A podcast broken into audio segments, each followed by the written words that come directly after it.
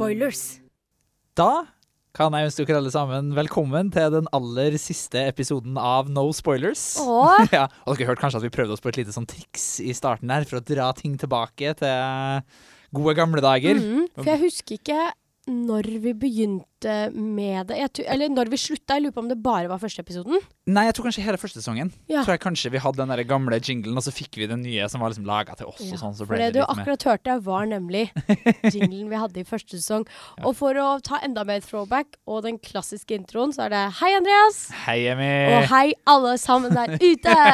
Velkommen til No Spoilers, en podkast om film, TV, eh, troper, arketyper, sjangre og alle, alle elementene som befinner seg inni der. Vi skal prøve å dekonstruere dem, analysere dem og forstå dem. Der, nå har vi den endelig på plass. Siste episode. Da får vi til pitchen bra. Kjempebra. Det vi driver med nå, bare sånn at dere alle sammen skjønner det, det her er et sånt gammelt triks i, eh, i, i hvordan du skal avslutte en episode.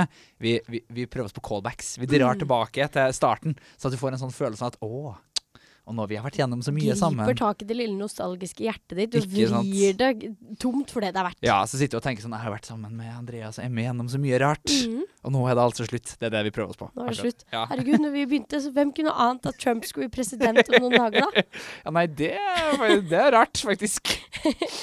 Eh, men vår første episode handla jo om piloter. Vi har akkurat hørt gjennom bitte lite grann nå, Mm. eh, hvor vi begynner med å prøve å forklare hva troper er, og så skal vi prøve å bestemme hva tittelen på podkasten er, og så begynner vi å snakke om TV-serier. Mhm. Og ettersom vår første handler om piloter, og vi har hatt litt sånn tematisk hvor siste før jul har vært Christmas special, eh, og så har det vært den vanskelige andre sesongen, og vi har liksom prøvd å være litt sånn semitematiske sånn her og der, iallfall. Mhm.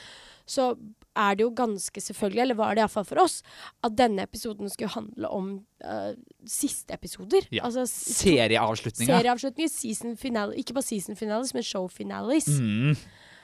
Så det er det vi skal snakke om i dag. Og da bør vi kanskje smøre på med en bitte liten spoiler warning her Ja. i starten. Fordi vi skal snakke om siste episode i serien. Mm. Uh, og vi skal prøve å si fra hvilken serie det er før vi starter. Men Ja. for en gangs skyld skal vi altså bryte vårt hellige løfte om no spoilers. For en gangs skyld, for det vi aldri ellers.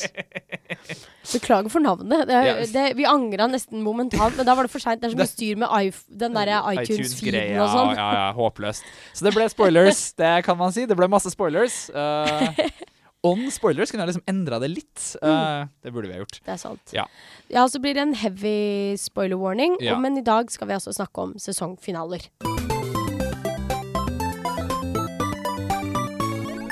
Så en sesongfinale skal jo rett og slett lande ting, som regel. Mm. Altså som, som tredje akt i en film, Ja. så skal sesongfinalen eh, gi deg en tilfredsstillende løsning eller et svar på de spørsmålene som du har hatt som seer. De Ja. tingene du har sittet og tenkt, tenk, mm. tenk på. Ja, og det som gjør seriefinalen, altså se, seriefinalen, eller serieavslutninga, er selvfølgelig akkurat som en sesongfinale og en sesongavslutning ellers. Mm. Bare at de, altså, når du avslutter en sesong, så vil du stort sett etterlate noen eh, små sånne uh, ting, tråder som kan tas ja, opp videre, og, og nye kanskje eventyr. en liten, en liten, et lite frø av noe nytt som kan dukke opp. Ja, ikke sant? Mens en serieavslutning, det er på en måte når du, heldig som du er som serieskaper, har fått lov å komme helt til slutten og få lov å fortelle ferdig historien du ville fortelle. Mm. Og da trenger du ikke å etterlate noe. Da kan du bare sånn pakke alt sammen Wrap sammen. it all up in a little bow. Ja, ikke sant? Og bare si at her var alt, det var hele historien, det var alt vi ville fortelle, og nå er vi ferdig. Ja. Uh, så, så der er det virkelig sånn her, hvis du kan få til den derre løsninga av alle konflikter, hvis du kan nå den derre katarsisen ved Ja. at man liksom eh, oppnår alt man vil oppnår, Unnskyld. Så eh, er det bra. Da er det kjempefint. Da trenger Ja. du ikke være redd for at noen står og puster deg i nakken og sier at ja, men hva skal vi gjøre nå hvis de lager en sesong til, på en måte. Eh, det, bare en liten eh, Eller to beskjeder. Den ene disclaimeren er mer eh, i studio og ut til lytterne. Eh, jeg har hatt halsbetennelse i jula. Eh, vi skal prøve å klippe det bort, så forhåpentligvis blir det ikke noe spor av det. Hvis du hører at jeg hoster litt i bakgrunnen, så er det bare det. Det beklager jeg. Eh, jeg prøver så godt jeg kan. Sitter jeg med et glass vann og skal prøve å få med meg noe super. Nummer to er bare at vi skal fortelle hvilke serier vi skal snakke om. Ja. Så at dere kan være litt uh, mentalt forberedt på hva som blir spoila, iallfall. Mm. Det første er på en måte en throwback til den første episoden vår, Ja. og mange episoder etter. Ja. Uh, hvor vi skal om, vi skal snakke om Friends. Vi skal snakke om Mad Men. Mhm. Vi skal snakke om Breaking Bad. Vi skal snakke om Lost. og vi skal snakke om Scrubs. Vi skal snakke om How I Met Your Mother. Selvfølgelig. Selvfølgelig. og, og vi skal snakke om Sopranos. Ja. Så eh, vet dere det, og da kan vi sette i gang eh, med det neste stykket, som eh, skal ta for seg litt hva en bra sesongavslutning bør ha med. Ja. Wow. I know. Seems smaller somehow. Has it always been purple? Look around, you guys. This was your first home. And it was a happy place, filled with love and laughter. But more important, because of rent control, it was a friggin' steal.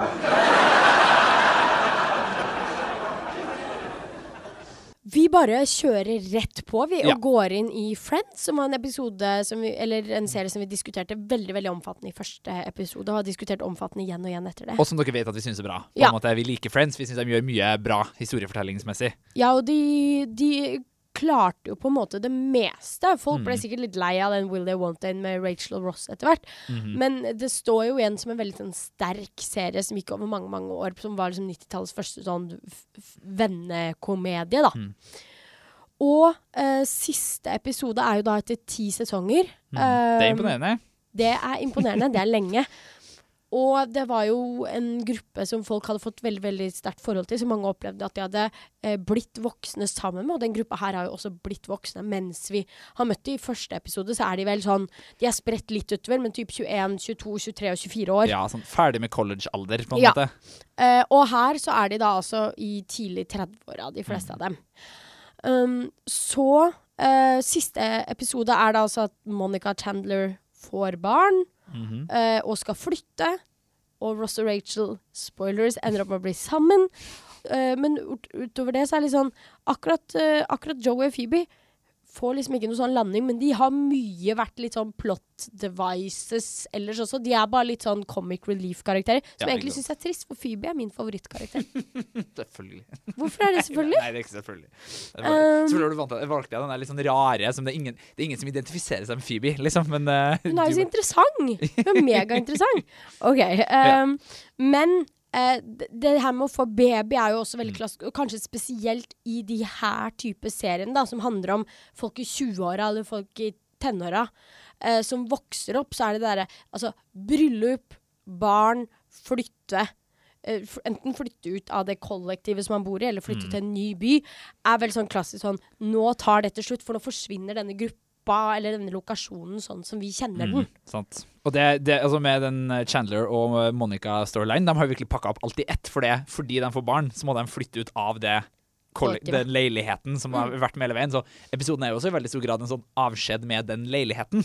Som Ja. også er sånn de på en måte avslutter episoden. At de filmer rundt i den tomme leiligheten etter at alle har gått ut med all bagasjen, og så er det bare Nå er det over. Ja. Gjengen finnes fremdeles, på en måte, men de har sine egne greier, og de har ikke lenger den der leiligheten i toppen av en eh, skyskraper i New York, på en måte. Men det er veldig gøy. Det siste han gjør, er jo å anerkjenne at den leiligheten var for dyr for dem. Han sier jo sånn eh, Dette rent controlled heaven som, ja, som- vi egentlig ikke burde hatt råd til. Ja, ikke Som alle liksom har påpekt hele veien sånn mm, Skal masse 20-åringer som jobber sånn deltid som servitrise og sånn, ha en sånn drittsvær leilighet i New York? Ja, sant. Uh, men det her med barn er jo, er jo veldig Veldig vanlig, men ettersom denne, denne sesongfinalen, som også er veldig vanlig, er delt i to episoder, så må man på en måte ha sånn eh, mid medium cliffhanger innimellom part one og part two der. Og da den ene cliffhangeren er at det viser seg å være tvillinger istedenfor én baby. Uh, og herregud, kommer det til å bare Ja, selvfølgelig. Men det er bare en sånn liten sånn Herregud, så sjokkerende! Ja, men det går bra. Jeg elsker deg uansett. Og det er hyggelig med to. og den andre er jo at, uh, at Ross bestemmer seg for å dra, eh, dra til Rachel og si hva han føler. Ja, for Rachel skal selvfølgelig fly til Paris. Hun skal Ja, forlate landet. med dattera og Ja. flytte. Sant. Eh, som også er et ganske sånn avslutningsgreie. Sånn, Én person skal fly ut av landet. Eh, og så kommer Ross, finner ut i siste liten at fuck, det er jo Rachel jeg har lyst til å være sammen med hele livet mitt. Eh, drar ut på flyplassen for å møte henne, og så er det feil flyplass. Og det er så klassisk TV-serieting. Det der JFK versus Hva heter det? Newark. Newark. Ja. Det føler jeg Det har vært i Seinfeld, iallfall. Det har vært i mange serier. Men det er forvirrende når du har to flyplasser da, til Ja. samme by. Det er tre til, til og med, tror jeg de har på Vi hadde jo. Gardermoen og den andre før, vi. Ja, Fornebu. Fornebu, ja. Jo, men det har alltid vært en som har vært sånn hovedflyplass, Ja, på en måte. Men, men selvfølgelig, jeg tror JFK er vel hovedflyplassen også, Mm. på en måte. Og så er det litt mer sånn her, det er litt rart å fly fra New York, ikke Så du har på en måte eh, den tilsynelatende landingen av en del relasjoner, men så, så, så tar de også veldig sånn symbolsk eh, På en måte en del av de, av de tingene, de elementene da, som har gått igjen eller vært stabile i serien, så man får en throwback til Duck, en Mm. Ja, Anna og kyllingen. Ja, eh, Duck and. Chicken, Ja, som, som Chandler og Joey hadde i, når de bodde sammen i sin gamle leilighet, og det var masse morsomme ting med, og, alle, Mm. og det ble liksom masse snakkis om de. Og i siste episode så har liksom Joey kjøpt en baby chicken og en baby duck Ja. til Chandler og Monica, og så ender han opp med å liksom få de selv, da. Ja. Men det er jo også på en måte representerer kanskje starten på noe nytt for Joey, siden han ikke får liksom være med sin aller beste bro lenger. Ikke sant? Og denne lille Anna og kyllingen forsvinner jo også inni dette foosballbordet som har stått i leiligheten til Chandler og Joey siden dag én. Mm. Og de må ødelegge det foosballbordet for å få de ut. Ja. Så det er veldig sånn eh, Nesten sånn hvis, hvis det bordet kan være en slags horcrux for serien Friends, ja. så blir den ødelagt. Og da, og sakte, men sikkert, liksom klapper Friends sammen. Og leiligheten blir flytta ut av. Ja. Det er ingenting igjen til slutt. Så, da- så sier de jo på en måte ha det til laget sitt, på en måte. Mm. De sier på en måte adjø til bordet, og det er veldig sånn det- er en veldig godt sånn konstruert er ganske enkel konstruksjon, Ja. egentlig. Enkel greie, men du gjør mye på en gang. Du både har en, det der fotballbordet, som alltid har representert deres vennskap. Eh, og så har du det at du får muligheten av at de sier ha det til deg. Så du får sånn, det her er en avsluttende handling, nå er det Mm. over. Og så er det et lite fotballag, så de kan på en måte si ha det til gjengen eller til fansen sin. Ja. De får på en måte en, noen de kan snakke med, som de sier nå er det her over med. Mm. Samtidig som de på en måte bruker fusballbordet som en måte å fortelle om fortida på, Ja. uten at de bare rehasher de gamle vitsene. Det er til sammenligning med sånn som de gjorde det i How I Met Your Mother Mm. i den siste sesongen. Så tok de opp masse gamle vitser og bare brukte dem på nytt. De tok Ja. nøyaktig samme vitsen. Bare sånn, eh, 'Husker du den vitsen her? Den var morsom.' Mens i, sier den igjen. ja, sant? Mens i Friends var det mer sånn her Fusballbordet har alltid vært en greie. Nå gjør vi en ny ting med det, Ja. som også avslutter, på en måte. Ja, og samme med Duck and Chicken også. Ja, sant? Godt jobba. Eh, og så har det på en måte Og så ender jo altså Ross og Rachel til slutt opp sammen med en sånn hvor hun kommer tilbake I got off the plane, og så kysser de. Og så får Ross inn en siste lite sånn We were on a break-joke også. For det er en av de siste tingene sånn Nå skal vi være sammen for alltid. Hvis vi ikke får en pause, he-he, og sier han noe sånt som tusen, eller et eller annet sånt. Men det var jo også en av favorittvitsene til folk Ja, i Friends. Liksom We were on a break. Ja. Så da får du siste liten throwback til alt som Ross og Rachel har vært igjennom, da. Ja, og som jo også er føler jeg, sånn visuelt speila i det der med at hun sitter på flyet og har en person ved siden av seg som på en Ja. måte blir med av den samtalen. Fordi det er flere ganger i løpet av Friends at noen sitter på et fly og har en samtale, og så begynner de å snakke om en ting som har med vennegjengen å gjøre. Så det den her stakkars personen på yttersida som ikke har noe med saken å gjøre, Ja. som er liksom Som for øvrig er din fra Community. Ja, riktig. Altså, det er gøy. Det er gøy. Han er veldig morsom. Bra at han kom seg videre og fikk mer roller i Hollywood. Det satte vi pris på. Um, men altså, det lander, lander, lander. Og så har vi det aller siste, som er liksom de som sier farvel til leiligheten. Alle som legger nøkkelen sin på bordet. Alle har selvfølgelig nøkkel til leiligheten. Ha, ha, ha. Og så ser vi liksom Så ka panorerer kameraet rundt i leiligheten, og de sier eh, 'Skal vi gå og ta en kaffe?' Mm. Og så sier Chandler sånn på tull 'Hvor skal vi gå?' Og så begynner bare alle å le. Så selvfølgelig skal de gå til Central Perk. Ja. Eh, Der og de det starta i første episoden. Ja, det er jo også en speiling fra første episode, ja. Mm. Eh, som begynner på Central Perk, så drar de til leiligheten, og så fortsetter resten av episoden i leiligheten. Mens siste episode foregår eh, primært i leilighetene, og så avsluttes utafor kamera, men likevel tilsynelatende på Central Perk. The end. God oppsummering, Emmy. Veldig bra. Tusen, tusen takk. Uh, så da kan vi egentlig bare kjøre på videre til ja. neste, for vi har en del vi skal gå gjennom i dag. Kanskje blir lengre enn første episoden vår, til og med. Ja, men det syns jeg dere fortjener, kjære lyttere. Ja, det er sant. Det blir Ja, sånn spesial. Sånn som man har dobbeltepisode på Ikke sant? eksempel. Kanskje ikke en og en halv time. Vi skal Eh, det orker jeg ikke. Jeg skal klippe etterpå. Jeg er litt sliten allerede. OK. Uh, den neste er altså Mad Men. Mm. Uh, og Mad Men er kanskje en serie som uh, Altså, i, i motsetning til f.eks. Friends, da, som er en serie hvor, hvor det er veldig mye fokus på historiene og karakterene, så er Mad Men Det er en historie som handler om det også, men kanskje som er minst like fokusert på de overhengende temaene og de store spørsmålene. Og det var en grunn til at det ble plassert i nettopp den tiden på en måte eh, det ble. Det er en veldig sånn brytningstid. Og Matthew Wiener, som har skrevet og regissert det, var kanskje minst like opptatt av de tingene, da. Og dermed blir jo sesongfinalen litt annerledes. Du får ikke den derre du får jo på en måte finne ut litt hvordan det gikk med folk, men den siste, den siste scenen er jo også blitt veldig diskutert. Den skal vi komme eh, lande, mot, lande på til slutt. Um, det første man har, er jo hun Peggy, som begynte egentlig som sekretær sammen med de andre, men som, som gjennom åra har liksom gjort den sakte, men sikkert kommet seg opp i rekkene og blitt en copywriter eh, og creative i reklamebyrå, og fått liksom Hun er på en måte den vi ser gå, gå hele veien. På en måte Ja. Ha en sånn ordentlig sånn Og hun er jo på en måte eh, representasjonen på den i, kanskje first wave-feminismen, til og med. da. Mhm. Eh, hun, tok, hun tok ikke abort, men hun adopterte bort eh, barnet sitt for karrieren. Og hun har liksom konsekvent valgt vekk det familielivet for å satse på karriere. Hun er den vi ser når hun kommer inn i det reklamebyrået hvor hun ender opp. Så hun, kommer hun liksom inn med so fyllesjuk med solbriller på, med en sigg i munnen, og liksom bare går med en sånn stor boks med tingene sine og bare kommer sånn spankulerende inn i lokalet, sånn som mennene ville gjort. på en måte. Og det har også blitt en sånn ikonisk scene på sånn hun kommer ikke inn og er liksom forsiktig og høflig. Sånn som hun hun tar plassen sin, liksom. Ja. Um, så hun ender opp på en måte på kontoret sitt med den, sjef, med den jobben hun har hatt, men også innser at hun er forelska i en av de AD-ene som hun har jobba med hele veien. da.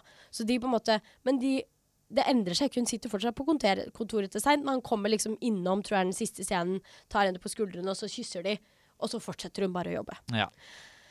Og så har du Joan, som på en måte er kanskje den andre delen Den andre, på et vis også representanten for en annen type feminisme i den serien, eller iallfall kvinnekamp på 60-tallet. Hvor Joan begynner som kontorbaben, som på en måte vet hvordan hun skal bruke attributtene sine til å komme seg eh, opp og frem i livet. Og er, men er veldig bevisst på det. Hun vet at hun gjør det. på en måte. Hun er ikke en naiv person som blir utnytta. Hun er ganske cold på det. Ja, men hun lykkes internt i systemet, men kommer heller ikke lenger enn systemet Nei, og hun tillater. merker ja. konsekvent også at de tingene hun bruker til å komme seg opp og frem, som er på en måte utseendet og formen hennes, er også de tingene som stopper henne. Så hun er Mm. hele tiden og beveger seg i det rommet. Uh, men til slutt så bestemmer hun seg for å bryte ut av systemet, starte sitt eget produksjonsselskap, uh, og er produsent. Men uh, mister mannen sin av det, fordi han var for, hun trodde endelig hun hadde funnet seg en fyr som var klar for en dame som ville ha karriere. Men han var mer talk enn action. Nope. Og når det faktisk kom ned til det, så var han også interessert i å ha en hjemmeværende kone. Mm. Så da har du på en måte eh, Og der ser du også kanskje også fordi eh, Joan har nok fått seg en litt eldre og mer tradisjonell herremann i dress, mens han som Peggy ender opp med, er skikkelig sånn hippiefyr med masse ringer og store armbånd og langt hår. Og, så det er på en måte kanskje den nye mannen versus den gamle mannen også, Ja, som de har funnet seg. Det er 50-tallsmannen versus 70-tallsmannen Mhm. som aksepterer eller gir litt mer rom til damer for hva de ønsker seg i livet også. Uh, og det er jo på en måte de som på et vis har vært uh, hatt mest utvikling ved siden av Don. Uh, men igjen, det her med kvinnetemaer ser man også hos Betty og Sally, som er ekskona til Don Draper, og dattera hans. Hvor Betty har fått lungekreft. Vi har jo sett henne røyke hele serien, og ingen visste, ingen visste at det var en greie da. Nei, sant. Um, men hun er fortsatt opptatt av at alt skal være normalt og fint og pent og pyntelig som vanlig, og det er viktig å holde oppe fasaden. Mm. Så hun sitter der fortsatt og ser ganske fresh ut og røyker, men Don skal ikke komme hjem, og ingen skal få vite at hun er syk, og alt skal være pent. Men Sally har på en måte gitt opp det at hun skulle reise og sånn, står og tar oppvasken i bakgrunnen og har blitt den domesticated housewifen som hun var i opprør mot, fordi hun hata mora si hele oppveksten, på en Ja, måte. sant. Så sirkelen er litt sluttet der også, på et vis, selv om man jo kan håpe at Sally kom seg ut. Mm. Hun hata jo relasjonen til foreldrene som foreldrene hadde. Ja, sant. Og så til slutt så har man da Don, og det er eh, Han ender jo opp på en slags sånn hippieleir, og det er her jeg mener at man eh, kanskje oppsummerer litt temaene til Mad Men, da. Mad Men handler jo veldig mye om en, en ny type kapitalisme som vokser frem etter en litt sånn mer rasjoneringstid, hvor du skaper et sånn forbrukssamfunn og individualisme, og hva gjør det med mennesket og de kjerneverdiene og community-følelsen som han har hatt tidligere. Og de tingene har liksom alltid stått og eh, strukket mot hverandre gjennom hele Mad Men. Og Don Draper ender jo opp med å dra på en slags sånn hippie retreat-leir hvor man skal meditere og snakke og bare gå rundt i rommet og lage lyder for å uttrykke følelsene sine og sånne ting. Eh, men den leiren, som det kommer fram i de samtalegruppene, er jo stort sett et sted for folk som enten forlater eller blir forlatt. Så er jo folk som har valgt individualismen sin Ja, eh, og bytta den mot en slags en idé om et slags fellesskap, men forlatt Mm. et faktisk fellesskap. Forlatt uh, kona si eller barna sine, eller blitt forlatt av foreldrene sine og vært alene. Og så søke mot det her nye konstruerte fellesskapet som de til og med må betale masse penger for å være på. da. Mm. Så på et vis er jo denne hippieleiren også bare noe som kunne eksistert på denne tida, og er et tegn på den samme tidsånden som det reklamebransjen er. Ikke sant? Det er bare det brytningstida, på en måte. Det er litt sånn det, det som henger igjen, og det som er på vei fram. Og ja, Mhm. de forskjellige reaksjonene på den samme endringa. Ja. I, ja. Og, og den aller, aller siste scenen er på en måte Don uh, Draper som sitter og mediterer ute på sånn gresslette, ser utover havet i en sånn gruppe, og alle skal si sånn om, om. Og så eh, zoomer kameraet inn på han, og så begynner eh, sangen til I'd Like To Buy a world, The World of Coke, som var en kjempekjent reklamekampanje for Coca-Cola på 70-tallet, som var veldig sånn hippiefin. Og det alle spurte seg på, var sånn Å, herregud, betyr det at Don Draper lagde den reklamen? Men det er jo egentlig bare eh, kulmineringen av de to temaene, og overlappen eh, i hvordan det han driver på med, og det han forlot, egentlig bare er mer av det samme. ja, ikke sant. Eh, så jo da, man kan spørre seg, betyr det at han dro tilbake eh, og begynte i reklamebransjen og solgte ut sjela si igjen, eller ble han hippie? Det, det er det, Ingen av de vil bety at han har utvikla seg Nei. sånn veldig mye, egentlig. Mm. For han dyrker fortsatt individualismen og selvrealiseringa og eh, skaperkraften i seg selv og sånne ting. Så han setter fortsatt seg selv over andre ting, selv om han har, no, han har jo definitivt kommet til noen realizations. Han er en annen fyr, på en måte, enn den han var i episode en én, i hvert fall. Ja. Uh, men om man har liksom han, Det er ikke noe enten-eller-slutt her, Mhm. men det er en veldig fin oppsummering av temaene i Mad Men, Mm. syns jeg. Ja. Da Uh, da Sorry for den ranten, men jeg gjorde meg veldig veldig mye tanker om Mad Men. Jeg ja, så siste sant. episode. Mm. Og nå kan vi gå mer over bare sånn her drive og bare sånn her Ja. intens historiefortelling her. Absolutt For nå skal ikke, vi over ikke så tematisk i det hele tatt. Nå skal vi på Breaking Bad. Ja. Der er jo på en måte hele det også, ja.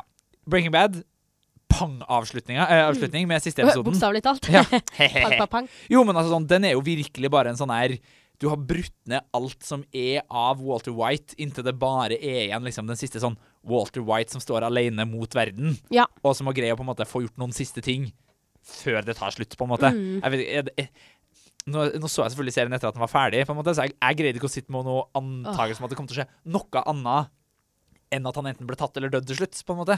Men den ha, Jeg syns jo hele episoden viser det, på en måte. Det viser han som på en måte avslutter alt. Ja. Som på en måte gir penger til familien, etterlater penger til eh, noen som kan liksom Eller ja, som kan Hjelp. gi penger til Ja. hj- hjelpe familien Og det er jo også de to han gir penger til, er jo eh, to stykker som han har hatt et forskningsprosjekt med tidligere. Ja, ikke sant. Så du får etter, Han er også egentlig litt på en sånn Vi snakka om det å dra tilbake til steder Mm. eh, for at, også for at seeren skal få en sånn walk down memory lane, og det gjør jo virkelig Walter White her. Han drar tilbake til det gamle huset sitt, han drar tilbake til de, han drar tilbake til ko gamle kona si. Ja, sant? Det er jo det dramatiske sammen, eh, eller sånn, det speilbildet til det du gjør i eh, humorserier, der du Mm. slår de gamle vitsene på nytt, eller bruker en sånn. Her drar han til de gamle stedene og på en måte går og minnes ting som har skjedd. Og så Mm. får du litt sånn her Oi, det er så langt vi har kommet. Ja, her var det gamle huset. Du har jo til og med et flashback til første sesongen Mm. av liksom han som er Ja, der med familieselskap, stua, familieselskap, og, og så står han der og er liksom helt sånn Jeg ser helt uh, shady ut eh, når han er kommet tilbake, og da var han liksom med dumme barten sin og sånne ting. Uh, så du får virkelig sånn følelse av hvor langt det har kommet, da. Og hvordan Mm. man har virkelig broken bad, på en måte. Uh, og gått fra å være ja, kjemilærer til å bli narkobaron. Ja. enn den som. Ja, og du får jo Han har jo, han har jo blitt eh, skurken, og det var jo ikke noe hemmelighet, som du, sagt, som du sa. Breaking Bad.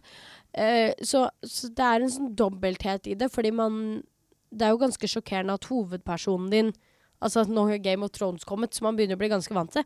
Men at, at hovedpersonen skal dø i en sesongfinale, er jo ganske sjokkerende. Men ettersom uh, Walter White på en måte har blitt nesten sin egen antagonist, Mm. så er det også uh, litt tilfredsstillende. Så man sitter nok igjen med litt sånn blanda Blanda følelse. Det er litt sånn bittersøt uh, slutt, da. Men du får heldigvis Jesse, Ja. som på en måte begynte som en litt sånn Altså, du brydde deg ikke så mye om ham. Han var en uh, sløv, usympatisk, litt sånn karikert uh, drittunge. Ja. Men- han skulle jo også dø, var jo egentlig planen. Han Ja. var jo en kjempeflat rolle som bare skulle introduseres, og så dø tidlig i serien. Men han ble ble, han bare- jo ja. virkelig korrumptert av, av Walter White. Mm. Og det viste at, eh, at han hadde et hjerte av gull, Ja, denne, denne unge mannen. Men når han kjører vekk, og han er så ødelagt og sliten, og du ser han har blitt sånn oppblåst, og liksom Og han har virkelig Altså, Walter White ser gammel ut. Jesse Pinkman ser faen meg 1000 år eldre ut Han enn han gjør sånn- i første Ja, for han er sånn 16 eller noe sånt i første Ah. Nei, han er, jo, han er jo ute av uh, high Ja, han sånn, så han han er bare sånn sløva ja. i noen år. Men han ser jo, ser jo ut som den guttungen, liksom. Og han ser så gammel ut i den siste scenen der. Det, og du vet ikke om det kommer til å gå bra med han, men du vet at det kommer til å gå bedre Ja. enn det gjorde der. da var han holdt som slags narkoslave uh, av nazister. Uh, Og han får også lov til å drepe Todd, som liksom har blitt Fordi etter hvert Jeg tror liksom Etter hvert som Walter White ble, ble skurk, så trengte man også noen karakterer som var eh, skurkere. ja, ja, ja, selvfølgelig. Mer skurkete. Eh, som på en måte kunne balansere det ut, eller gi oss noen som helst slags grunn til å gidde å følge med på denne fyren. Og Mm. da fikk man på en måte Gustavo Fring, som var på en måte minna litt om ham, men var enda mer iskald. Mhm. Og så fikk man Todd, denne unge gutten, som var en virkelig sånn Vi har sagt om den kick the dog-tropen. En av de første gangene han er med ut på ting, så skyter han jo en liten gutt. Bare sånn Mi.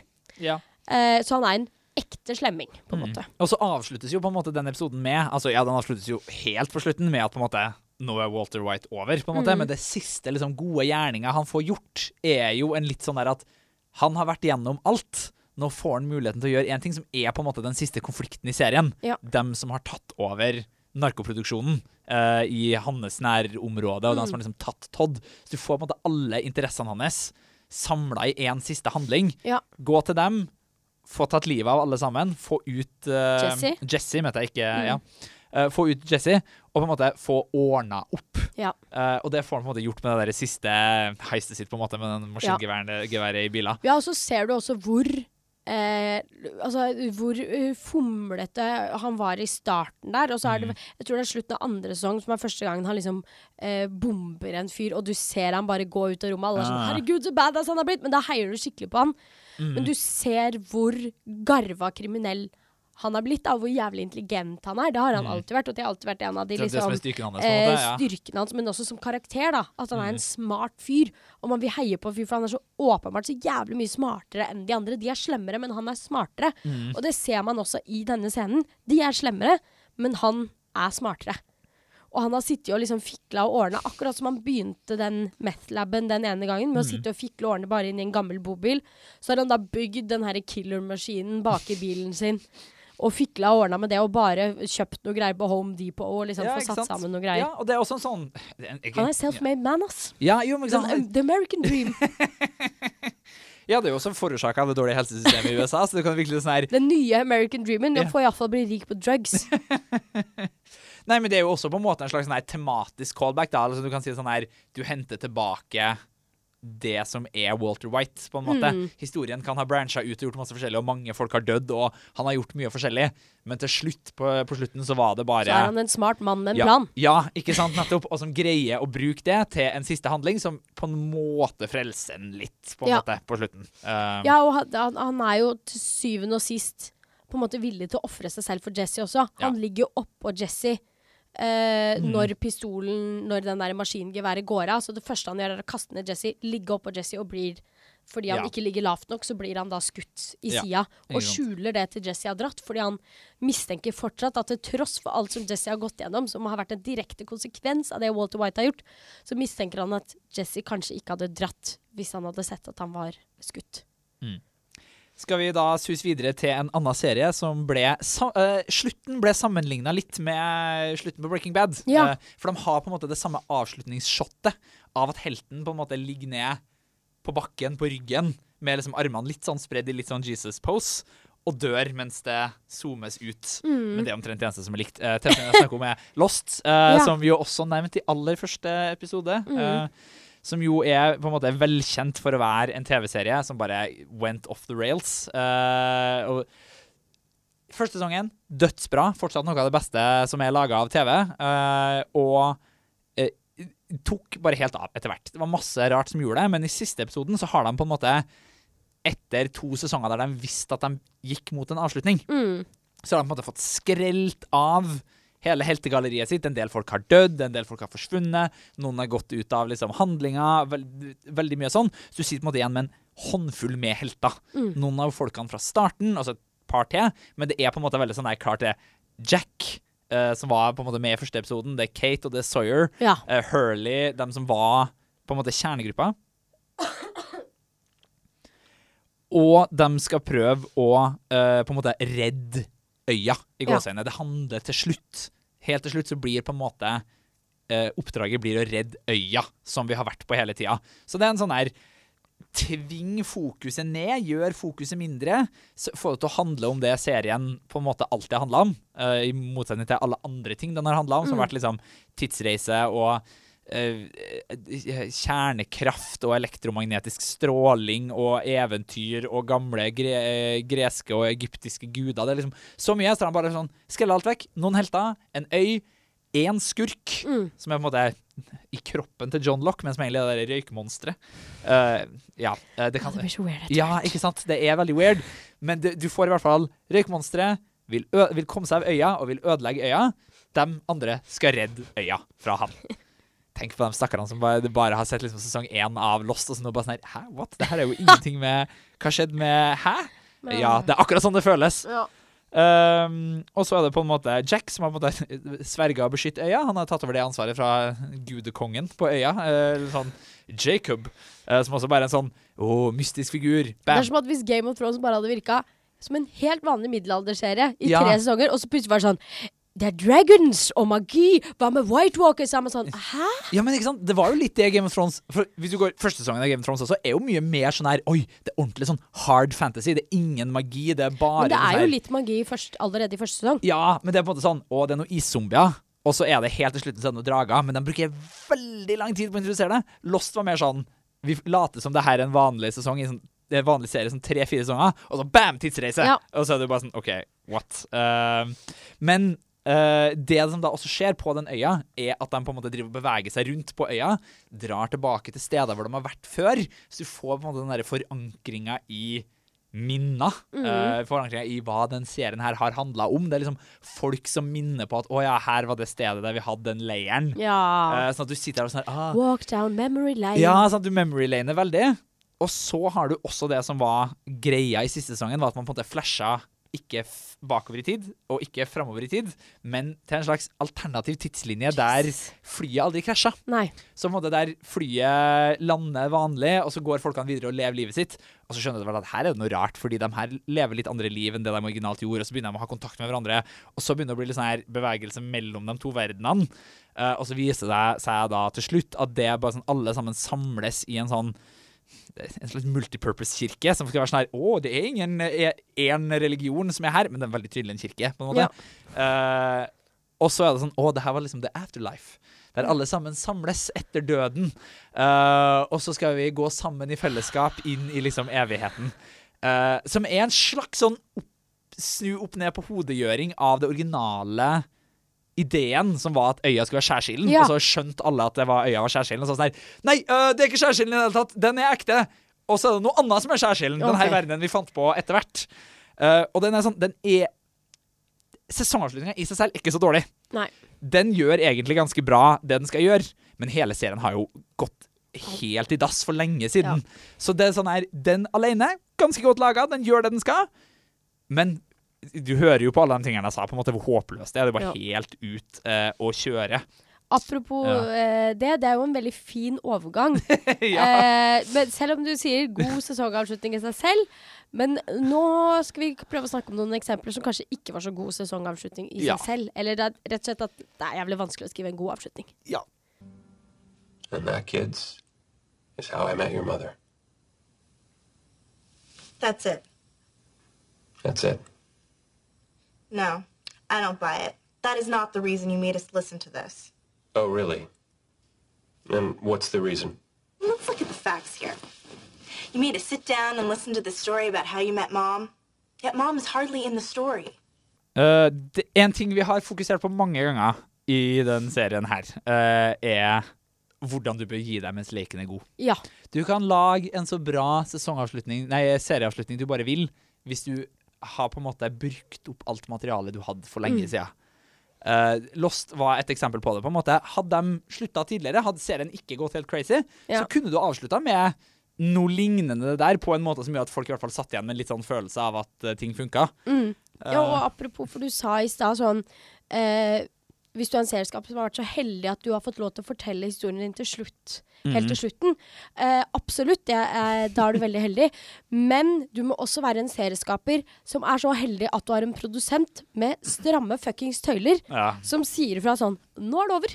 Ja. Eh, og også et produksjonsselskap som ikke tvinger deg til å lage fire sesonger til fordi du tjener mye penger. Ja, ikke sant. Eh, Sånn som jeg mistenker at jeg driver med Game of Thrones nå, at de prøver å strekke det ut i så mange sesonger som mulig, Ja. så de kan selge merch. eh, Merch. Ja. Eh, men eh, nå skal vi da snakke om egentlig primært eh, Eller ja, nei, jo, primært serier som eh, burde gitt seg mens Ja. leken var god. ja. Og, Og, ikke prøvd å kverne ut det lille Ja. universet sitt bitte litt lenger. Den f- aller første vi skal snakke om, er Scrubs. mm, Som vi også snakket om eh, før, og som er en veldig, veldig fin eh, og bra serie. Den har fått masse cred i etterkant også. Den er liksom morsom. Har masse hjertevarme, diverse characters. mm. Eh, tar opp masse forskjellige problemer og er liksom, holder seg på en god tone hele veien. Mm. Er ni sesonger, men la oss alle være enige om at åttende sesong er den siste sesongen. Fordi it all goes to shit etter det. Ja. Men Um, de anerkjenner jo på en måte også nesten da, ved at den siste sesongen er med helt nye folk, til og med. Ja. Sånn Eller de kaller den jo også Ja. Scrubs eh, The Interns. ja, sant. Så de har jo egentlig starta en, en spin-off-serie. Som gikk ad undas, men Ja. det var like greit. Men i Altså, for, sånn sett er det litt vanskelig å bruke denne fordi uh, My Finale, som siste episoden heter i åttende sesong, er ganske god. ja. Den er veldig fin, den er ganske tight. Jeg tror eh, at den kanskje er et par minutter lenger enn det de vanlige episodene er. Ikke ulikt denne at... episoden. Um, uh, men, men der er det veldig ordentlig og fint. Det er på en måte Det er JD sin siste dag på Sacred Heart. Og han Mm. tar liksom runden på sykehuset for å si farvel med alle, og dermed også få seerne si farvel med alle karakterene. Ja, Man får landa en del greier med eh, med annet The Janitor, som var en sånn running joke. En, det, konflikten deres oppsto ved at eh, han trodde at JD hadde dytta en mynt eh, inni, en dør som han drev på og fikla ut. Og så sa sånn Så sa JD sånn Kanskje det er en mynt? Og så var han sånn Er det du som har Og så begynte det. Og så siste episode så innrømmer JD at han mista en mynt. Eh, så det kan godt hende at det var hans mynt. Og Janitor sier også hva han heter, som er Glenn. Godt navn. Ja, veldig bra navn.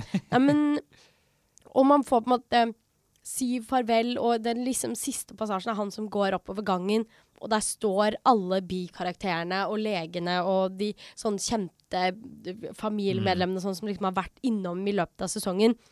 Åpner han opp døra, der har det vært et sånn hvitt lerret som har hengt hele dagen som Turk. Selvfølgelig har hengt opp for det har stått 'Goodbye, JD'. Og på baksiden av det lerretet så begynner det liksom å spille en film med sånn fremtida hvor han gifter seg med Elliot, hun blir gravid, de får barn, så er det sånn pardate med Carla og Turk og JD og Elliot og deres barn. Og du ser liksom hele fremtida, han står og koser seg og ser på den. Så går han ut, går i bilen og kjører. Og så begynner niende sesong! Som er bare Altså, den er, den er helt OK. Den er ikke, det er ikke en megadårlig hvis, hvis jeg hadde sett den uten å ha sett Scrubs, så tenkte jeg sånn «Ah, OK serie. Men den er noe skittent søl sammenligna med Scrubs, og den burde aldri bli laget. Den ødela Ødela alt. Ja, ikke sant. Så jeg var klassisk på sånn Hvor det var sånn Ja, ingen av skuespillerne vil være med lenger, eh, men kanskje vi kan kverne noe greier Det er jo ikke noe vits å slutte før ingen vil se det lenger, på en måte. Så det er jo bare å fortsette. Det er jo så, Som vi har diskutert så mange ganger, så er det jo virkelig vits å slutte før ingen vil se det lenger. Det er jo litt derfor vi skal slutte nå. Vi må Ja, gi oss før leken er, mens leken er Før god. leken blir god. Mens ja, eh, mens- leken ja. er god. Ja, sant. Og det Um, samme skjedde for øvrig med That 70's Show også, hvor ja, for det slutta hovedrollen, gjorde det ikke det? Eric, eh, han som spiller Eric, slutta. Uh, og de tok inn en annen som liksom hvor Alle var sånn Ha-ha, du er new Eric. Han het jo noe annet og sånn. Ja. Eh, men det bare Jeg syns ikke Det var ikke det samme stem... Altså hele gjengdynamikken ble litt annerledes. Han var en helt annen type. ja Og jeg syns ikke at de hadde for mye når man lager den der gruppedynamikken, sånn som du har i Friends. Joey er den dumme, Phoebe er den eksentriske, Rachel er den bortskjemte og litt barnslige, Monica er the neat freak. Ja. Så har du satt opp de karakterene, og så tar du ut en som har noen egenskaper som fyller ut gruppa veldig godt. Mm. Og så skal du ta inn en ny som ikke skal være lik, så du må bare gi inn noen andre egenskaper. Og så, og så klaffer ikke gruppa som helhet på samme måte. Nei, sant. Og det er jo altså, fordi du kan ikke bare lage den nye rollen, men jeg har jo også sett TV-serier der de gjør det motsatte. Der de faktisk bare setter inn en person som er helt lik. Ja, Uh, som er basically sånn her Det er veldig uinspirert valg. Ja, ikke sant? Du bare tar en sånn her ah, Vi trenger å beholde den gruppedynamikken vi har. Og derfor så må vi på en måte bevare den rollen. Men personen er det ikke lenger, så du bare har en ny person. Og som da eh, Litt sånn som hvis du husker de gjorde det i New Girl, mellom første og andre episoden. Så Ja, var det jo men- egentlig coach. Coach, og så Wilson, og så kom coach tilbake og var en litt annen fyr. Ja, eh, så du hadde på en måte Coach skulle være den rollen som var med, og var en av trioen som bodde i den leiligheten. Og så kunne ikke skuespilleren fortsette å være med. Så henta jeg inn en ny en. Så sånn Men for å forklare hvorfor Ja. han fortsatt egentlig var med i gjengen, så hadde han vært i utlandet noen år og drevet med andre ting, men begge var egentlig ganske interessert i sport. Uh, og var, hadde litt sånn de samme karaktertrekkene. Eh, så ja, det, det er jo også et ganske dårlig valg Ja, å å Men jeg er veldig glad for at han ble med, for jeg syns han er mye bedre karakter enn coach endte opp eh, Ja. med å bli til slutt. Wilson Bishop er, vel, er kanskje en av de beste karakterene i New Girl, da. Selv om New Girl har hatt sine ups and downs. Men han er jo også sånn eksempel på at man starter med at man vil ha med en rolle, og så finner man på etter hvert hva man vil med den personen. Eh, og så kommer du til siste episoden, så anerkjenner du ikke egentlig lenger at det her var jo en helt annen person i Nei. første episode. For det vil vi ikke tenke på. Nei. Vi vil tenke på alle de tingene som har blitt med oss hele veien til slutten. Men de tingene som er sånn her Ja, er det ikke litt rart egentlig at du liksom jobba med noe helt annet, eller at du egentlig var en helt annen Helt annen type. Ja, Det snakker vi ikke om. Vi Nei. bare slenger inn noen flashbacks som får det til å virke som at de alltid egentlig var sånn. Mm. Um, Og så skal vi videre til uh, den, det eksempelet som vi kanskje har snakket om mest, og som vi da. alltid blir sier. Altså, jeg kunne ønske det var et sånn dataanalyseprogram som vi kunne kjøre gjennom podkasten vår, og så kunne den se hvilke TV-serier vi har name-droppa mest, Ja. og så kunne vi lagt ut den grafen. Det tror jeg har vært så det må jo være mulig å gjøre en sånn number cruncher-program. Sånn uh, Men analysere lyd på norsk, da. Ja, det er sant. Det er kanskje ikke så lett å gjøre gjort med liksom Google Books uh, og sånn heller. Men det er selvfølgelig How I Met Your Mother. Mm. Rikkeeksempelet på at en TV-serie kan gå for lenge. Særlig fordi de jo hadde spilt inn mye av siste episoden på forhånd. Mm. For den, altså Det som er artig med How I Met Your Mother, er jo at de hadde jo en plan. Og de har jo, hele premisset for serien er jo det her er historien om hvordan jeg møtte mora deres. Ja. Og så visste ikke de hvor mange sesonger det skulle bli, men de på en måte vet at på et eller annet tidspunkt så må vi fortelle hvordan uh, uh, hovedpersonen Ted møtte mora. Eh, og siden de har brukt barneskuespillere i den første sesongen, så måtte de egentlig spille inn en gang mellom første og andre sesong ja. noen siste scener til på en måte den store avslutninga, sånn at de kunne være med og ikke være liksom har blitt ti år eldre, liksom, Ja. eh, mellom, eh, mellom han begynte å fortelle historien og han slutta å fortelle den. Eh, og så på sett og vis så er jo siste episoden i How Much Mother faktisk avslutninga på den eh, historien showrunnerne hadde lyst til å fortelle. Mm. Uh, men hele serien er jo et train wreck. Liksom, den er, de har gjort det samme flere ganger, og de har på en måte eh, investert i én historie, og så funka ikke det likevel, og så går de tilbake og gjør noe annet, og de samme folkene har vært av og på så mange ganger. Uh, det er helt håpløst. Uh, så ehm, Så egentlig så syns jo jeg at avslutnings... Altså den siste episoden Mm. på sett og vis ikke så dårlig. Eh, men ja jeg Skulle ha gitt dere tidligere. Det blir litt som med den her siste episoden i Scrubs blir jo dårligere av at de fortsetter med en ny sesong. Ja, absolutt. Siste episoden av How I'm Met Your Mother blir helt håpløs av at uh, av, av at de har holdt på i tre sesonger for lenge Mm. allerede, på en måte, og at du må nesten sånn skrive ut bare sånn raskt en del sånne ting som de nok ikke helt hadde tenkt. Så var det, sånn her, det gir ikke helt mening med mindre den personen blir gifte seg, er sammen i tre år, og så skiller seg, Nei. og så møter han en ny en og får et barn med den, bare for å forklare at de er der de er, sånn og sånn da og da. Så ja, Ja. ganske håpløst. Men selv om de avslutta ganske greit, så ble selvfølgelig folk kjempesint fordi folk ikke fikk akkurat det de ville ha. ja, men også fordi sesongen som hadde vært før, var så jævlig treig. Den var jo Ja, ja, ja. Eh, Det var jo den originale NRK må ha fått inspirasjonen sin minutt for minutt fra How I Met Your Mother. Ja, ikke sant? Eh, så det ble bare sånn hvis, altså, hvis du skal fortelle en god anekdote, da, for eksempel, så jo lenger build-up du har, jo høyere forventning har man Ja. til det poenget. ikke sant? Så hvis du skal fortelle en middels god anekdote, så vil du prøve å øh, gjøre den ganske kort, på en måte. Da vil du ikke legge til masse ekstra detaljer og sånn. Da var det bare ja, Poenget er uansett at Ja. Ikke bruk tre sesonger på å bygge opp til det ene bryllupet som var på en måte Nei. der han møtte mora. Og så kommer egentlig poenget for episoden. Fordi selvfølgelig, når du har gjort sånn som de gjorde i sin episode, eller i sin- sin serie da, som heter How I Met Your Mother, Ja.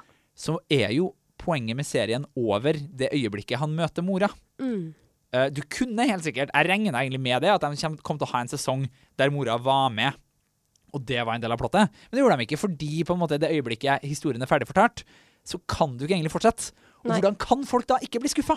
Nei, ikke sant. Og da må du enten ha en twist som gjør at det blir sånn Åh, det var noe helt annet enn dere trodde! Haha! Ja. Eller så må du bare si ja, og det var sånn jeg møtte mora deres. Mm. Story over. Veldig eh, Veldig antiklimaktisk. På en måte Hele greia bare detter sammen. Og de prøvde å balansere det ganske greit ved at det var litt sånn her De avslutter med at han møter mora. Rask oppsummering av et kort liv, og så er det sånn Ja, det er en litt, litt sånn tvistete slutt. Det er en litt sånn her Ja. Det er noe mer. Han vil egentlig bli Han vil egentlig få barna sin velsignelse til å bli sammen med en ny dame, Ja. som han har fortalt om. Og det er egentlig en ganske sånn god forklaring på den rammefortellinga.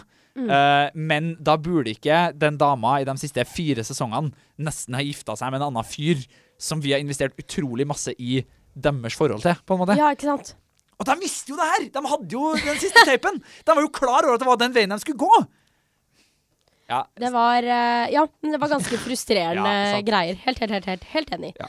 Um, Men folk blir jo aldri fornøyd. på en måte. Altså, det, du, du kunne jo ha laga så bra avslutning du bare vil. Folk blir aldri fornøyd, fordi folk har alltid forventninger om hva det skal være. ja.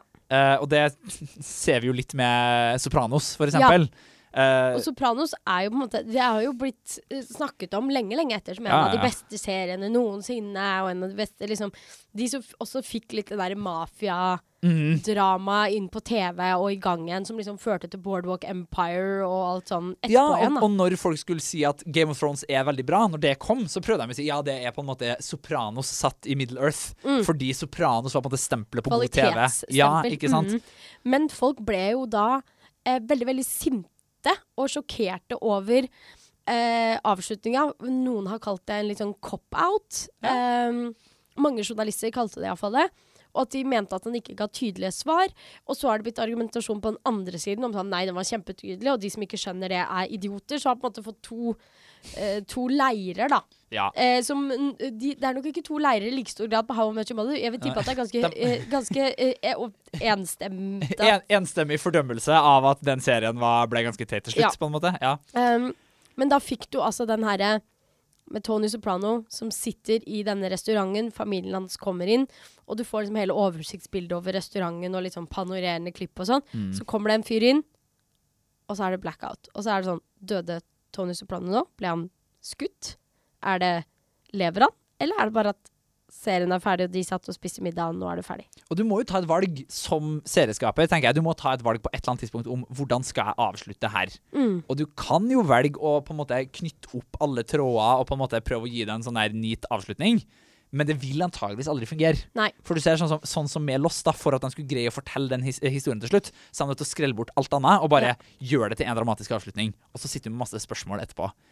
Så det kan være like greit å bare ta et artistisk valg. Si vi var ferdig med å fortelle den historien vi ville fortelle. Med en gang den historien er over, på en måte, så fortsetter verden. Men det er ikke noe endepunkt. Nei. Så hvorfor ikke bare stoppe liksom, mid-sentence omtrent? liksom? Litt av problemet her er jo Og det her er den her eh, som vi har diskutert før, med å la eh, en serie eksistere i universet sitt versus alt som skjer rundt. Mm. Men regissøren har jo vært fram og tilbake med å avkrefte, bekrefte og ikke ville si noe om hvorvidt Tony eh, Soprano er død eller ikke.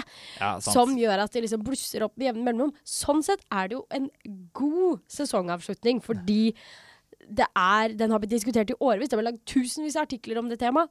Minst like mange YouTube-videoer, Reddit-tråder.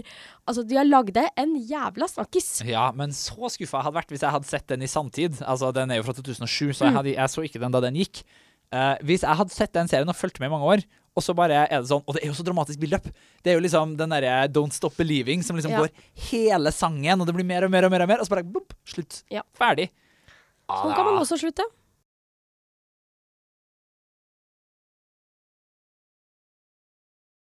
Nei, da vi bare kødda. Eh, vi kunne ikke avslutte sånn. Det hadde vært litt, I hvert fall ikke etter at jeg har sittet og fordømt det som det er, som er håpløst. Nei. Um, men det som vi kanskje har lagt merke til gjennom det vi har snakka om nå, er at det er et poeng det mange har gjort, å bryte ned historien i én en enkel konflikt som skal løse, løses. Altså, all historiefortelling er jo egentlig konfliktresolusjon, på en måte. Uh, men når du vil se en avslutning, så vil du ha den derre renselsesopplevelsen av at én historie blir fortalt. Lost gjorde jo det. det det er ikke så god idé når du har en serie der du har dødsmasse ting som burde ha blitt løst, og så gjør du, uh, gjør du ikke det. Men det er omtrent sånn du må gjøre det. Liksom, Ja. Gi Ross og Rachel den, sånn avslutt den Will They Won't They. Det, den har vart fra sesong én. Det passer veldig bra. Avslutt sånn. Så da er jeg litt sånn her Hva skulle vært uh, Hva skal vi gjøre? Hvordan skal vi liksom avslutte med en Sånn, ja. siste konflikt? Har det vært en rød tråd som har gått gjennom hele Har det det, da? Det er jo det, er jo det her om uh, Altså, vi diskuterer jo troper Ja. Hele tiden. Det er en god, god idé. Start med tropa. Og, og liksom. det var jo det vi begynte med pilotepisoden vår. Ja, Hva sant. er en trope? Ja, sant? Og vi har jo kanskje vært ganske fram og tilbake på om troper er noe vi er drittlei av. altså noen troper er klisjeer. Ja. Eller er de det? Eller er det god historiefortelling å benytte seg av knagger som publikum eh, kjenner igjen, for å slippe å bruke masse tid på etablering, og bare få, få på plass noen elementer og rammeverket ganske kjapt? Ja, ikke sant? Det blir som det vi snakka om i den Will They Won't They-episoden. Der det er litt sånn her Ja, det er en utgammel trope, og Mm. alle kjenner den igjen med en gang, og alle er sikkert dødslei av den, men det er så enkelt å bare liksom Å, her er de personene som jeg skal følge med på, og jeg vet at jeg har investert i dem, og jeg Ja. kjenner igjen den historien. Så du trenger ikke å oppfinne hjulet hver gang, på en måte. Nå vet jeg at jeg har investert i dem, og deres historie. Mm. Og så kan du ta det videre derfra. Ja. Sånn som for eksempel Jeg, jeg er veldig fan av sånn som Dan Harmon gjør det i Community, for eksempel. Mm. Der han, han hater sånne romantiske historier. Han syns det er så kjedelig at det alltid er liksom roma, eh, den will they Want-in mellom uh, enkeltrollene i gruppa. Så han bare har jobba med at alle kan bli romantisk interessert i hverandre når som helst. Ja. Og det er masse sånne små historier hele Ja, ja, jeg tror alle Altså, Annie og Jeff har hatt en greie. Annie og Abed kysser jo en gang. Mhm. Annie var forelska i Troy når hun begynte på Og så har Troy og, Og Britta Britta. hooka opp. Britta og Jeff har hooka opp. Mm. Det har vært litt sånn her Britta og Abed har det også vært litt sånn her oh, de sovner litt i skje noen Ja. ganger. Litt sånn, så det, det er liksom mulig å gjøre med.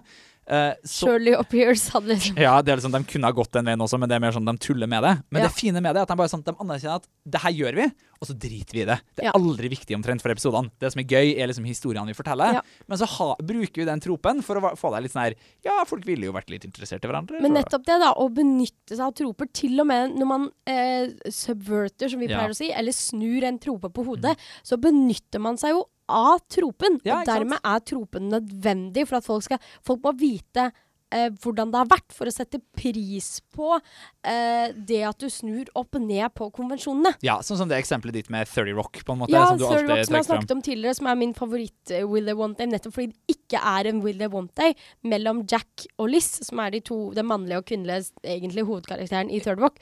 Og det er en konstant sånn og alles forventning om at de skal ende opp sammen, men de gjør det aldri. Mm. De kysser én gang, og da er det ikke fordi de vil. Nei, sant? men se for deg hvor skuffa du hadde vært hvis du hadde sett det, ikke vært dødslei av Will They Want They, og bare hatt en sånn her Her er det jo to mennesker som De burde vel på en måte bli sammen? Eller, Ja, eller der, jeg liker jo begge to. jeg De liker jo ikke. hverandre. Det er rart at de driver og kødder med det hele tiden. Ja, ja, i hvert fall det, tenker jeg. Og så er det selvfølgelig sånn her du kan jo, altså Skal du finne på å være 100% original med absolutt alle grep i alle historier du noensinne forteller? Mm. Jeg tror en, så tror jeg det er umulig.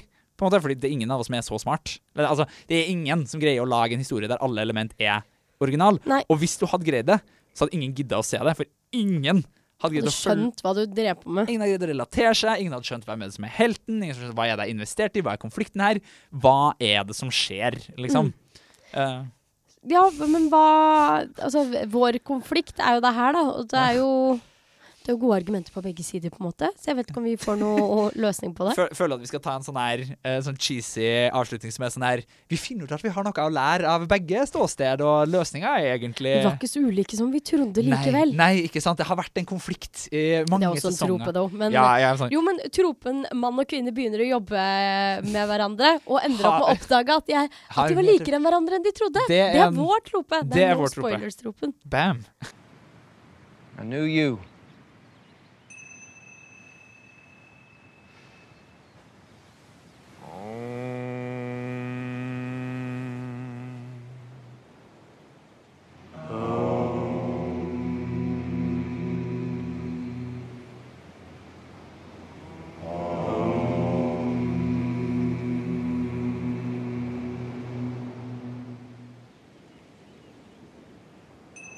Da var det over Da var det slutt. for no spoilers. Ja, ferdig. Fire sesonger. Eh, To år. One hell of a podcast. Ja, 43 episoder, eller noe sånt, tror jeg, hvis vi regner med spesialepisoder. Episode. Ja, Ikke sant? herregud. Så vi er liksom litt over. 43 episoder. Mm. Shit! Ja da. Det er ganske imponerende. Godt jobba. Gratulerer. Gratulerer. Gratulerer til alle dere der ute òg, hvis dere har hørt på 43 episoder. um, så vi har jo drevet på i den siste sesongen og hatt en sånn Vår faste spalte. anbefaling. Ja. Um, men nå tenkte vi å kanskje gjøre noe litt annerledes, Ja. Andreas. Ja, uh, vi tenkte vi skulle heller prøve å komme med et forslag på hva vi ønsker oss. Ikke noe vi har sett og som vi vil anbefale videre, men heller en sånn Hvilken historie, eller hva slags historie har vi lyst til å se som vi savner uh, på TV? Uh, så vet jeg, Emmy, har du lyst til å Jeg kan, jeg kan begynne. Den er jo litt vag, men det er jo også ja, det Ettersom dette er en norsk podkast, så Ja. er det en litt oppfordring til Norge i at jeg har lyst til å se altså noe som er litt mer sjangeroverskridende og lekent og tullete. Du har på en måte Bojack Horseman, som er en kjempemørk animasjonsserie. Uh, du har den der My Crazy Ex-Girlfriend, som er en, en musikal uh, Det er litt sånn telenovela Nei, det er nei, det, du, det var ja, det neste eksempelet ja, mitt som jeg tenkte å komme med, Ja. som var uh, Jane eh, Hva det Va- den? Jane the Virgin. Jane the Virgin. Som er en telenovella-dramaserie. Som bruker masse av de tropene. Altså Noe som leker litt mer med formatet. Jeg vil ha noe sånn norskt. Og det beste eksempelet jeg har som liksom nærmer seg litt, er Dag som har to musikalscener som er helt fantastisk kule Ja. og morsomme.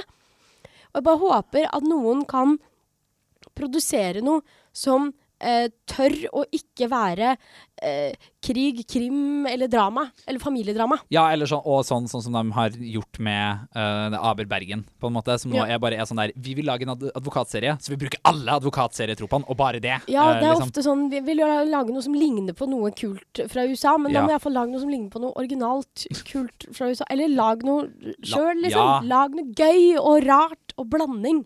Det vil jeg se i. Norge nå. Enig. Jeg har tenkt, jeg har ikke forholdt meg bare til Norge på samme måte, Nei. men eh, jeg vet at jeg har snakka om det her før, tidligere, som en sånn ting jeg irriterer meg over. Jeg skal ta det opp en gang til. Jeg føler at det er på tide at vi har liksom, i mainstream film og TV et, en, en sted, et sted der en helt gjør en Helten, altså protagonisten, gjør noe som er liksom etisk uholdbart for det som er best. Altså, som er the greater good, på en Ja. måte. Altså Stort sett alltid når sånne konflikter kommer på spissen, så er det sånn her å, du må redde familien din fordi det er alltid best å redde familien din, og da har det ingenting å si at du, liksom dre at du dreper masse folk, eller at det dør en hel masse ukjente folk. Uh, eller den der du finner på i siste liten en tredje, en tredje løsning i Ja, gåseøynene ja, ja, som liksom fikser alt for alle. Jeg vil ha den der der noen bare kommer og sier vet du hva, det du gjorde der, det var helt uholdbart. Du forårsaka masse ulykke og masse dritt. Og da er man sånn Ja, det er sant, men alternativet var enda verre. Og Ja. bare går for det. noen andre liksom, For skurker kan være sånn. Skurker kan si sånn her Å, det er dem som er så fæle, som er villige til å ofre menneskeliv. Jeg vil ha en helt som tar det vanskelige valget, og en serie som aksepterer at du tar det vanskelige valget. på en måte. Det hadde vært sinnssykt kult. Ja. Men uh, ja. Det er. Vi er klar for det! Jeg føler at folk er klar til å se det nå på TV. Eh, så Så da oss. sender vi den Ja. requesten ut, Ut i i verden, ut i, ut i eteren.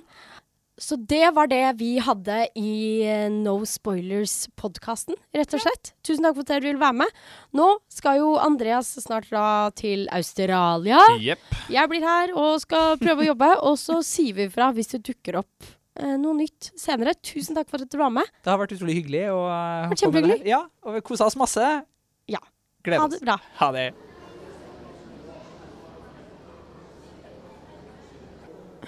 God tur til Australia da, Andreas. Ja. Vi, vi, vi, vi møtes igjen, sant? Altså, det er ikke det, er ikke det siste, det her. Vi, lo, du, lo, du lover at vi skal møtes i framtida og fortsette å lage Ja. kule ting og alt sånt her? Ja, ja, ja. Ja, ja da, jeg er helt enig. Jeg kommer til å savne deg. Kjente sammen deg og jeg med. Oi, du, nå, nå må jeg springe, for ellers så mister jeg flyet. Men uh... OK, greit. Ha det, da. ha det, Mi.